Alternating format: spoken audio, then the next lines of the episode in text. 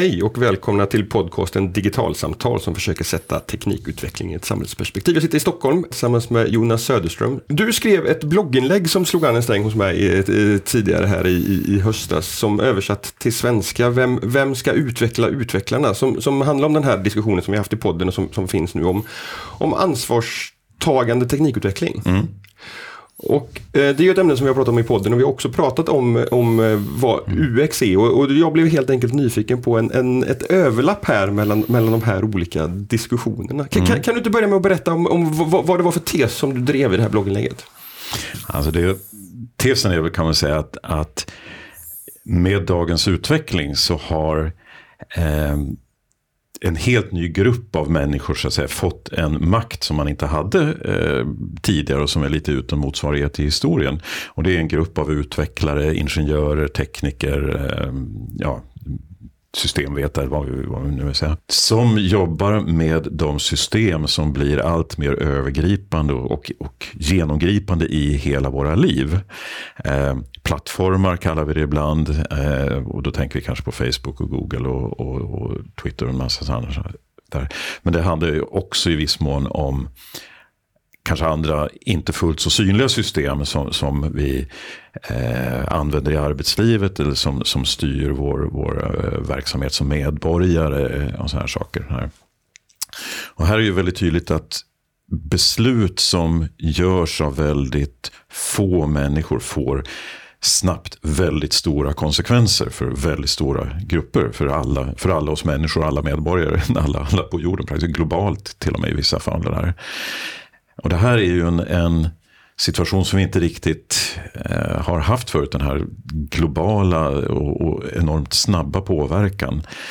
Det gör att man måste ställa sig frågan, vad styr de här besluten? Vad styr de här människorna som tar de här besluten? Hur fungerar de? Vad har de för bakgrund? Och hur, där?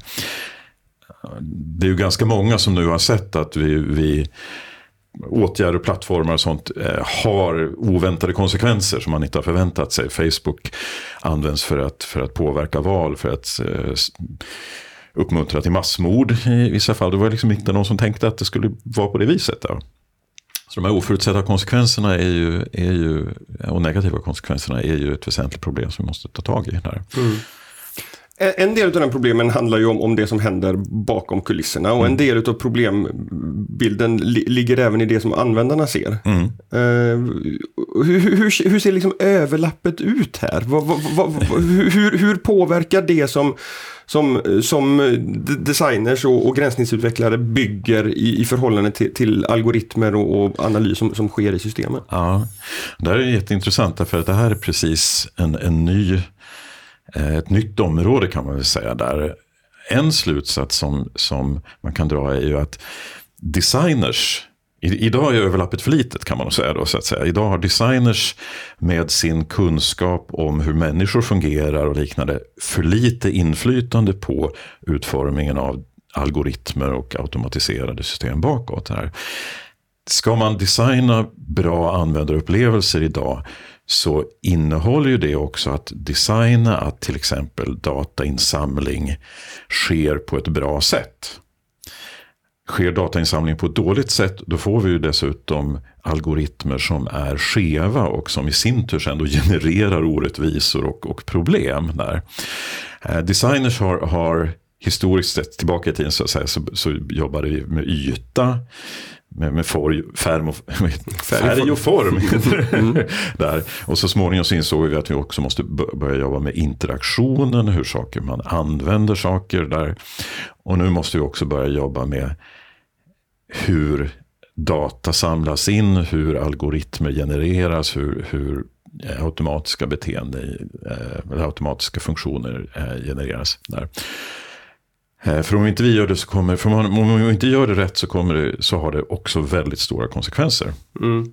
Men, men, men det, det, du efterlyser är ett, ett ökat liksom överlapp mellan olika discipliner här i, i teknikutvecklingen ja, ja, på något sätt? Ja, och det är ju någonting som vi, vi har jobbat för länge in så att säga den agila tanken. Eh, det som är agilitetens kärna så att säga. Vi pratar om tvärfunktionella team och sådana saker. Där, det där är tyvärr någonting som inte alltid är verklighet i det som kallas agilt, agila eh, projekt och agil utveckling. Vad, vad är agilt för de lyssnare som inte, som inte är med på det? Agilt är en, ett sätt, en filosofi kan vi säga, om hur man utvecklar framförallt då eh, digitala system, IT-system, som bygger på att det är jättesvårt, det är en kontrast mot en, en tidigare tanke, det är jättesvårt att i, redan från början specificera allting, förutse allting i alla detaljer och så bygga någonting. Man håller på i tre år och bygger någonting och sen är det klart och så, så släpper man ut det.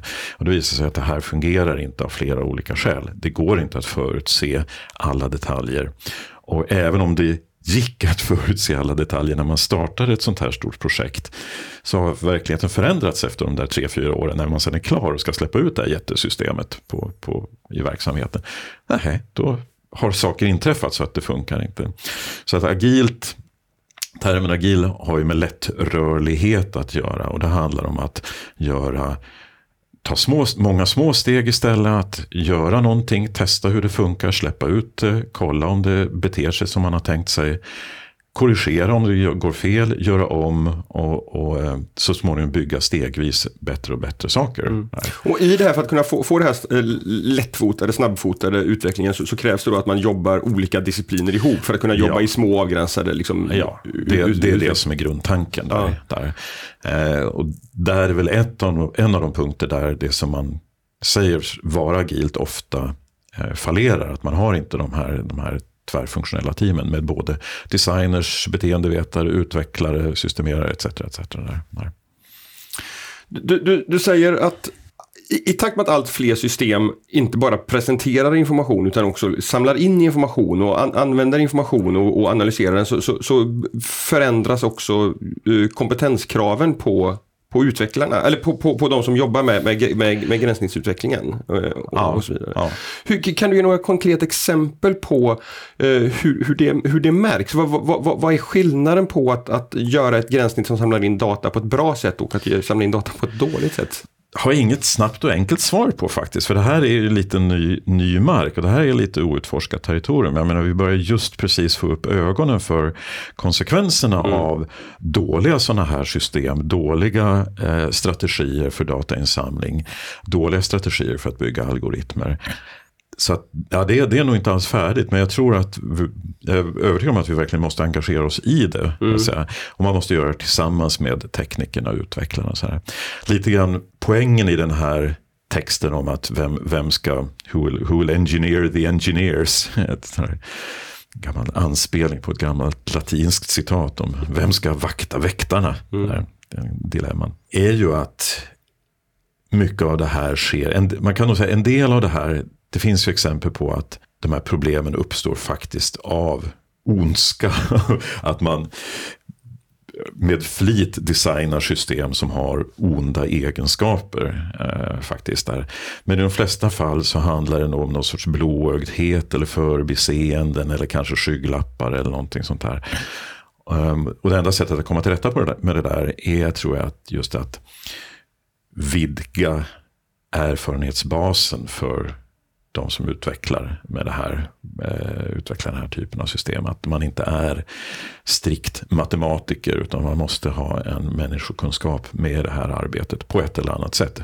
Genom samarbete eller genom utökad kompetens hos de som utvecklar systemen. Mm. Men eh, innebär det att man behöver ha, ha liksom en, en, en, grundutbildning som innehåller andra typer utav, utav saker för ja. de som ska jobba med? Ja. Ja, alltså, det här finns redan idag. Jag vet till exempel på Chalmers att man har tar upp ett etiska frågor, etikfrågor i utbildningen av ingenjörer. Mm. Jag vet att specifikt den, de och de utbildarna gör det och har med det. Där. Men jag tror att det måste göras mycket mer systematiskt och mycket mer grundläggande just därför att vi ser att konsekvenserna av dåliga beslut är inte begränsade och triviala längre utan de är globala och väldigt genomgripande. Där. Mm. Det var kanske annorlunda när man var ingenjör och designade någon liten mojäng som satt på ett specifikt litet ställe i en, i en viss fabrik. Där. Jag menar, ett, ett dåligt beslut där påverkar ganska få men idag är, är spridningen av det helt annorlunda. Och då måste man, jag tror jag att man måste lägga mycket större vikt vid det här. Mm. Fund, låta människor fundera, alltså de som utvecklar, fundera, vad blir konsekvenserna av det här? Eh, spelar det någon roll att du är vit och man och ung? Eh, för ditt tänkande, har du tänkt dig in i hur det här påverkar eh, fattiga, kvinnor, eh, funktionshindrade, äldre etc, etc, etc. Och det där är ju där är ju den punkten där vi som jobbar inom det som kallas UX då eh, har vår kärnkompetens eller vår kärn, vår, vår, vår passion kanske nästan, vår drivkraft det är ju att försöka sätta oss in i hur någonting används och påverkar olika typer av människor. Att vara öppna för ett helt fält av, av konsekvenser så att säga. Där. Vad, vad ligger i begreppet UX? Det står för user experience. Ja. vad, vad, vad, handlar det om? Ja, det, det, egentligen kan man nog säga att det, han, det används på, på flera olika sätt. Ett eh, är ju att säga, på ett sätt är UX ett sorts kvalitetsmått. Eh, har den här produkten bra UX eller har den dålig UX? Och det handlar ju om, tycker användaren om att använda den här? Är den effektiv? Hjälper den mig som användare? Eller eh, är den, ger den en dålig upplevelse? Fungerar den eh, dåligt? Hindrar den mig i jobbet snarare än hjälper mig? Liknande där. Så det handlar ju om den totala upplevelsen. Det handlar både om hur den ser ut och känns. Liksom ser den elegant ut? Är den, är den snygg, tilltalande, behaglig? Men också det vi ibland kallar interaktion. Hur går det till att använda den? Är den, är den smidig att använda? Gör den det den ska på ett, på ett bra sätt? Det är två lite mm. kvaliteter som håller ihop, hör ihop men, men som, som är lite distinkta. Så det, det är å ena sidan kvalitetsmått, men sen så säger vi också, använder vi också UX som, som eh, en term för ett yrke eller en, en bransch. Jag jobbar inom UX eller jag jobbar med UX. Och då handlar det om att jobba med, eh, kanske jobba med design egentligen av, av olika slag. Här. För, för ett angränsande begrepp är ju UI, ja. som är user interface. Ja. Men, men, det är liksom mer det som faktiskt syns i, i den färdiga produkten då, medan UX är, är liksom ett, ett vidare begrepp. Ja, så brukar man säga. Och det, det typiskt är att man, man, vi, vi började med att göra gränssnitt, vi började med att göra bara det som syntes på skärmen, så att säga. men så småningom vidgar man det till mer av, av upplevelsen av kanske av en hel tjänst, alltså inte bara om jag beställer någonting på, på skärmen utan också se hur ser leveransen ut när den kommer till mig. Och, och där. Och, och, ibland pratar vi också om service design som också är något sånt här större begrepp. Då. Det här är inte ovanligt inom nästan alla områden. Så, så eh, tenderar ju sådana här begrepp att liksom bli större och svälla och svälla. Och svälla, mm. Det är inte bara UI, det är också UX. Det är inte bara UX, det är också service design. Det är inte bara service design, det är också mm. någonting, nästa mm. begrepp som kommer. Men, men hur ser då kopplingen ut mellan det som eh, ni som jobbar med UX ägnar era arbetsdagar åt och de här problematiska liksom, systemen som eh, liksom är, är, har skevheter och så, mm. och så vidare. Du har varit inne lite grann på det, men vi kan, vi kan fortsätta den diskussionen. Vad, vad, vad, vad, kan man inom UX göra för att komma till rätta med liksom, de här, den här problematiken? Alltså problemet här kan man väl säga att, att vi inom UX har, har misslyckats som, som bransch, som yrke, som, som sysselsättning. Därför att vi har ju vetat i 40 år ungefär hur man gör bra system. Hur man gör system som är anpassade till både människan och den arbetsuppgift som hon har. Där. Vad vi inte har fått igenom är att, tillämpa, att detta tillämpas genomgående. Tyvärr är det fortfarande så att det är enstaka projekt, enstaka fall där man gör det här fullt ut där vi också får ett lyckat slutresultat. Allt för ofta så är det så ser vi att, att eh, projekt levererar dåliga produkter eller, eller som suboptimala produkter, det som kunde vara mycket bättre. Där. Vi har ju försökt eh, på olika sätt att, så att säga, få genomslag på det här, men det är fortfarande trögt på många ställen. Eh, och på många ställen så handlar det också om någon sorts, tror jag, eh, man, man tittar på andra saker istället, man prioriterar andra saker. Då ja, är det här väldigt ofta en, en ledningsfråga. Egentligen där. Därför man inser inte att, att liksom hur stor del av slutfunktionen Nej. som faktiskt de här frågorna har, har betydelse på. Och, och det, det märkliga är ju att det finns till och med, med, med så att säga, hårda siffror på det här. Vi de här amerikanska konsultföretagen som kan visa att de företag som drivs i hög grad av design, eller som involverar design på, på ett genomgripande sätt. Och man kan mäta det här till exempel också med förhållandet mellan antalet designers och antalet utvecklare i ett företag. Så att säga så här. De företagen är mer lönsamma, de får högre aktievärde och de har högre omsättning. Och det, det är klart och tydligt observerbart. Och ändå så är det så många företag och organisationer som inte arbetar på det sättet. Där. Och det här är ju, det är ju lite grann en gåta. Där, mm. där, eh, hur det här kommer sig. Och vi, vi har ju kämpat med, inom branschen så att säga, på olika sätt försöka eh, övertyga om, försöka motivera varför man ska jobba på det här mm. viset. Där. Lite frustrerande under åren. Och, och, det är också ett av skälen till att jag skrev den här boken som jag skrev för några år sedan. Då, att, jävla skitsystem. Jävla skitsystem. Mm. Där. Den var ett försök att mobilisera de som faktiskt är användare av systemet. Att förklara för dem, ni, nu, och nu fokuserar det ju på arbetslivet då, så att säga, de, de system och, och, tjänster som vi använder trots allt under en väldigt stor del av vår vakna tid. Ni har rätt att kräva bättre system. Det går att göra bättre system.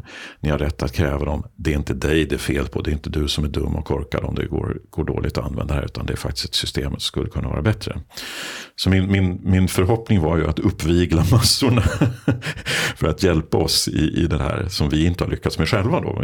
UX-skrået är ju trots allt ganska litet får vi säga där. Men det där är en bok som sålde bra. Det visar att det finns ett intresse för frågorna. Ändå. Ja. Ja, jo, eh, precis. Den har väl sålt i 20 000 ex eller någonting sånt där nu. Vilket är, är extremt bra tror jag för en fackbok.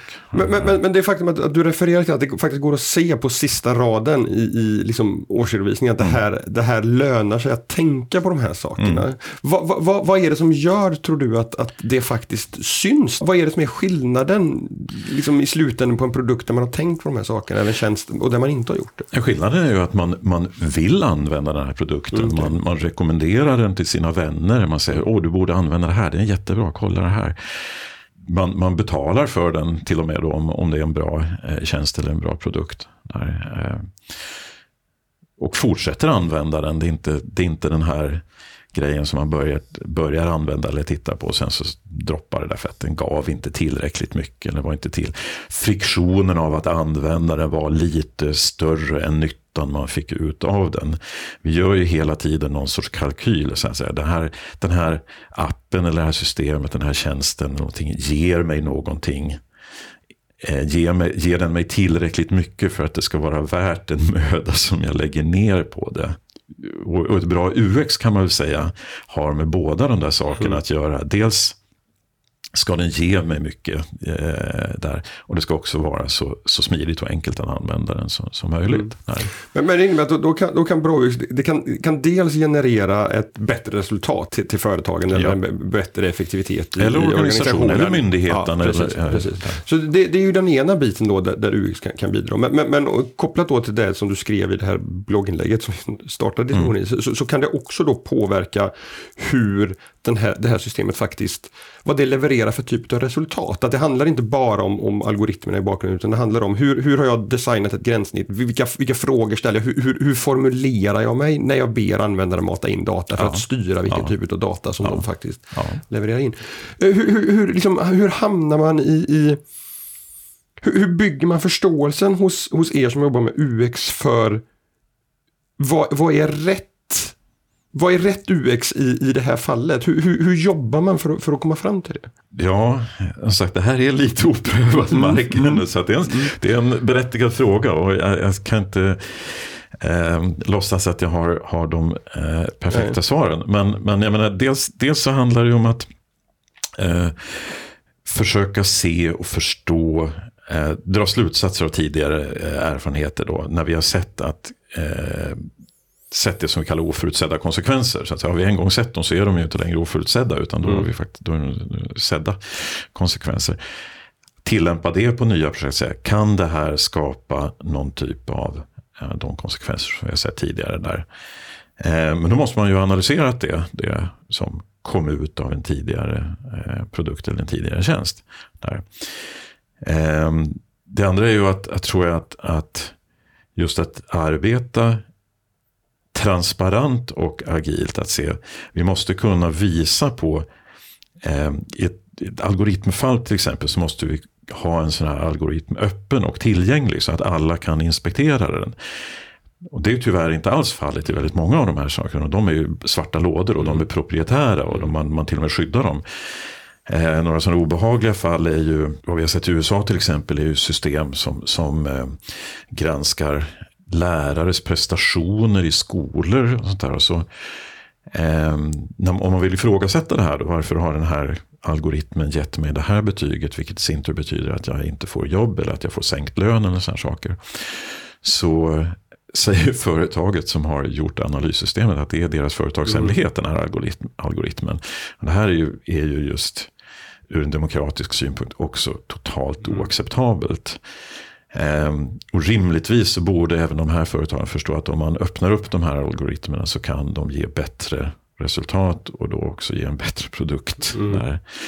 Men det är uppenbarligen mer lönsamt att ehm, att ha strategin att låsa in det här. Mm. Men, men, det är intressant att du, att du tar diskussionen åt det hållet. För, för jag, jag har läst och skrivit en del om, om liksom hur man ska göra AI begripligt mm. för, för slutanvändaren. Och här, mm. här måste det också vara så att bra UX kommer kunna hjälpa till med det och att, att få system att för användaren på ett lätt och begripligt mm. sätt ändå förklara hur, hur har jag kommit fram till det här resultatet. Jag vet att inom sjukvården så pratar man om det att läkarna måste förstå varför ett AI-system tror att en diagnos är, är, mm. är si mm. eller så till mm. exempel. Det, det, enklaste exemplet på det som jag kan komma på det är väl eh, någonting, ett, om vi vill kalla det, en algoritm eller AI eller så där, och det är tror jag, 20 år gammalt vid det här laget. Någonstans. Det är Amazons eh, rekommendationsmotorer där det faktiskt finns en liten länk där, om, om det kommer ett förslag till mig så finns det en mm. liten länk där jag kan stå, varför föreslogs det här för mig? Klickar på den så kan jag då få upp så här, jo eftersom du har läst den och den och den boken så föreslår vi den här boken. Där.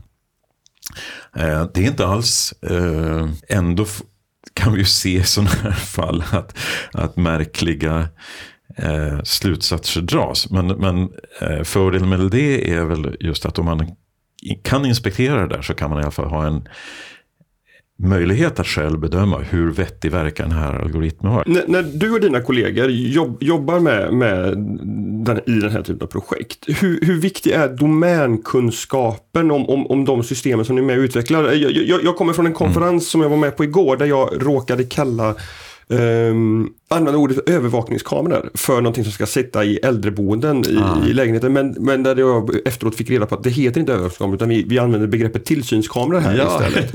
och, och det är den här typen ja. utav, alltså så här, ordval, att förstå vad är det systemet ska göra och så vidare måste ju vara en jätteviktig liksom, input i hur ni... Absolut. Mm. Ja. Mm. Ja, men, som ux så arbetar man ju väldigt mycket med att försöka kartlägga verkligheten och kartlägga det som den produkt eller tjänst som man då jobbar med ska, ska eh, verka med eller verka mot eller tillämpas på eller något sånt där. Att förstå det. Och det, det är ju viktigt nästan på alla plan där ner till det här lilla, då, det som vi ibland kallar UX-copy. Att skriva rätt ord just i ett gränssnitt där, så att man förstår vad händer om man ska, ska trycka på den här knappen. Då, liksom, är det rätt sak som händer där? Um, och, och uh, även på den övre uh, nivån, så att, säga, att kalla saker för samma saker som, som uh, man gör i verksamheten. Vi jobbade med, med ett system som användes för att att registrera sin arbetstid eh, inom sjukvården. Och där kallades alla sådana eh, åtgärder de kallades för en stämpling. Mm -hmm. Och det var inte ett ord som användes överhuvudtaget i, i verksamheten. Så att säga. Och det blir väldigt krångligt när man ska undervisa eller ut, lära ut till de här användarna att liksom, eh, ändra din stämpling. Eh, Det kräver betydande då, tankearbete för alla varje gång man ska använda det. Så mm. vad var det menade med det här? Vad, vad, vad, vad var det som var en stämpling? Jaha, det var liksom bara att, att skriva in min arbetstid. Den där. Mm. Kommer väl från de gamla stämpelklockan och sånt där. Så att det fanns väl något skäl till att det hette det där. Eller också kanske det var en översättning från, från tyska. För att det var ett tyskt system i mm. grunden mm. eller någonting sånt där. Mm. Men, men det var en betydande svårighet där. Och det här kommer ju, det här kommer ju bara bli mer komplext kan man säga när vi, när vi får mer och mer AI-algoritmer. För där, vi har ju inte några ord för riktigt vad det är som sker där inne. Det är tyvärr så att inte ens ingenjörerna och, och eh, matematikerna alltid vet vad som sker in i algoritmen heller. Nej. Och då, då, då, menar du att då blir det både problem i, i att hur ska man formulera frågorna när man ska be ja. användarna lämna ifrån sig data, ja. men också hur ska man beskriva ja, resultatet?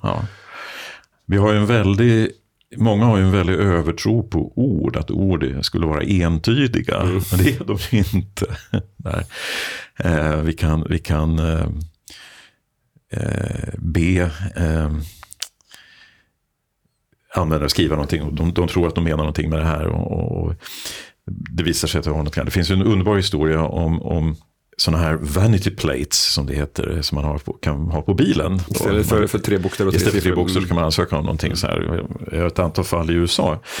Formuläret för att, att eh, begära en sån här, att ansöka om en sån här, det har tre fält, för du måste ange tre alternativ. För den första och andra kanske är upptagna redan. Vi har det här fallet med den här mannen som eh, var väldigt förtjust i sin segelbåt så att han, han ville ha nummerplåten Sailing som första där. Liksom där. Och sen som andra vill han ha Boating.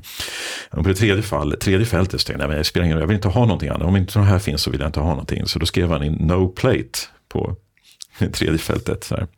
Men tyvärr den första och andra var upptagna redan. Men No Plate var inte upptaget så han fick en nummerplåt som det stod, som stod No Plate på. Här. Jag tyckte han där, ja men det kanske var lite kul i alla fall. Va? Så han skruvar på eh, fältnummerskylten No Plate på bilen där. Eh, och efter några månader så började det ramla in tiotusentals dollar i parkeringsböter till honom. Då. För det visar sig då att när man, när man registrerar, ska registrera parkeringsböter, och vilket också kan göras med kameror, och kameran inte riktigt kan identifiera vad det står på en given nummerplåt så lägger systemet in, eller det kan också vara så att trafikvakten skriver in att, att det fanns ingen plate på den här bilen. Då skriver de no plate och så visar det att allting trillar ner ut hos den här personen. Då. Um, och det här är just exempel på att en, en term som, som användes på, något, på ett sätt, där i den änden användes på ett helt annat sätt eh, mm. i en annan ände av systemet. där.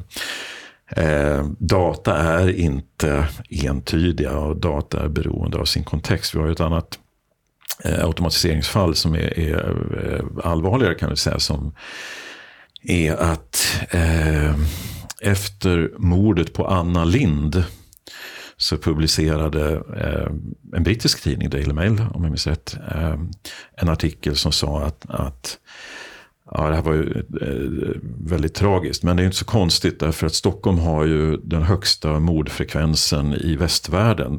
Under, strax under eh, Sydafrikas eh, kåkstäder.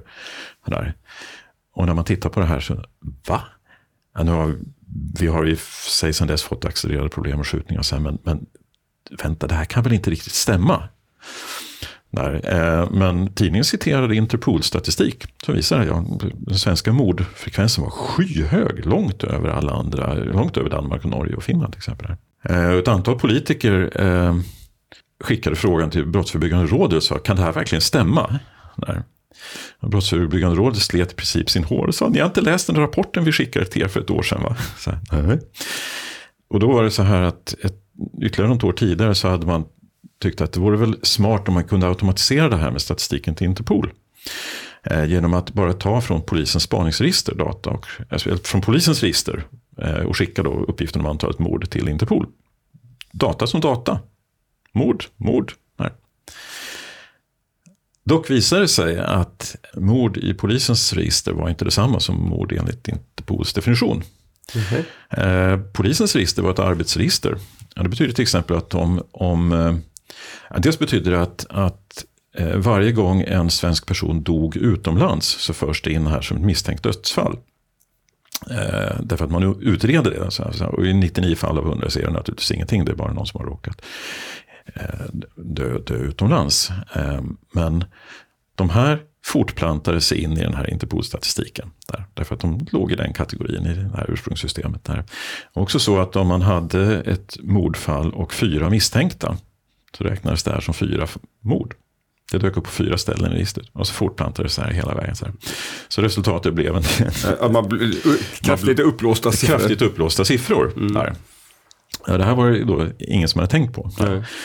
Eh, och när, när man då frågade Rikspolisstyrelsen, men kan ni inte fixa det här? Så sa de, nej det går inte.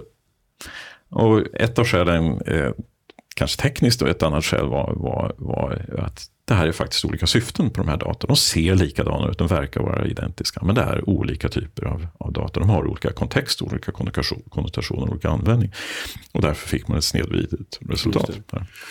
Men, men, men, och det, här, det här är ju exempel på att man måste förstå domänen. Mm. Vad används den här data till i den här domänen? Mm. Här används de för att arbeta med lösningen av det här fallet så att säga, under tiden. Det är inte något... något ja, just det. Men, men, om man ska knyta ihop säcken här då på något sätt så, så, så innebär ju det att, att i och med att det, det finns en, en, en, oro eh, för eh, skevhet i data som kommer ligga som, som underlag mm. för många beslut som fattas. Mm. Att om man som, som in, inte tänker på det när man bygger systemen som ska samla in den här datan. Mm. Utan ställer frågor på fel sätt, designar det här på ett klumpigt sätt mm. och så vidare. Så kommer du samla in data som, som bidrar till ökade ja. skevheter ja. i de beslutsunderlagen. Ja. Ibland kan man ju fråga sig också i och för sig om man behöver data. Mm. Ett, ett intressant exempel är ju Google. Som för några år sedan upptäckte att det var, det var ganska många kvinnor som slutade på Google. Och då började man fundera, jaha, liksom, vad gör det? Och då lät man sin HR-avdelning dyka ner i, det, i sina people analytics. Där, så man ser att ha, det här var, var kvinnor. Ha, liksom, var, fanns det någon, någon, gemensam faktor bakom att de här slutade jobba på någon särskild avdelning eller hade någon särskild punkt? Jaha, och gräver man ner så hittar man då efter dataprocessen att det verkar vara ett åldersspann på de här också. Som de är i en ganska definierad ålder. Och så fortsatte man att gräva ner och så grävde man. Så, så visade det sig att Ja, det var nog inte ett kvinnoproblem. Det var, problemet var att de blev mammor. De mm. födde barn. Mm. Så, så, så, aha, ett ljus gick upp för, för de här. Så, ah, det var ett, ett children problem. Så här. Det är svårt att kombinera en yrkeskarriär med att vara eh, förälder. Och särskilt i, i en då, om, traditionell könsroll så ska det vara mamman som tar hand om Så då slutar de på Google. Grattis Google, ni har med, med Eh, er, er oöverträffade datakraft eh, hittat ett problem som vi har känt till i 50 år.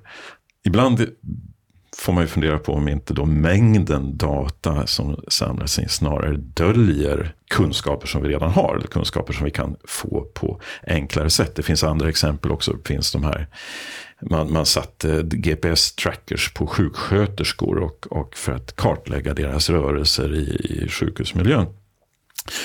Eh, och då ser man när man får en stor insight. Här, men det verkar konstigt, de rör sig fram och tillbaka mellan de här två av de ställena som är väldigt långt ifrån varandra. Liksom sådär. Här. Jaha. Ja, det är inte så konstigt därför att här är, är, vårdavdelningen och där borta, rätt långt borta från, är medicinförrådet. Här. Jag hade inte behövt sätta GPS-trackers på dem och analysera detta. Det hade räckt med att gå en dag i en sjuksköterskas skor. Vilket UXare gör, men ledningar gör inte det. Ledningar är för fina för det. Man ska mm, mm, mm. här. Eh, de får inte de slutsatserna och tyvärr så finns det då kanske en, en övertro på, på sina ledningar. Ja, vi, sätter, vi, vi samlar in GPS-data från alltihop här, då kommer vi få fantastiska insikter. Ja, det är ett väldigt dyrt sätt och ett väldigt komplicerat sätt. Eh, och ett sätt som är eh, riskerar att drabbas av, av den här typen av, av olika typer av skevheter i, i datainsamlingen. Mm. Jonas, tack för att jag fick komma och prata om de här sakerna med dig. Tack själv. och till er som lyssnat, eh, hör gärna av er med förslag på andra personer att samtala med eller kom med feedback på detta eller andra avsnitt som ni lyssnar på. Podcast digitalsamtal.se och så hörs vi igen nästa onsdag. Hej så länge!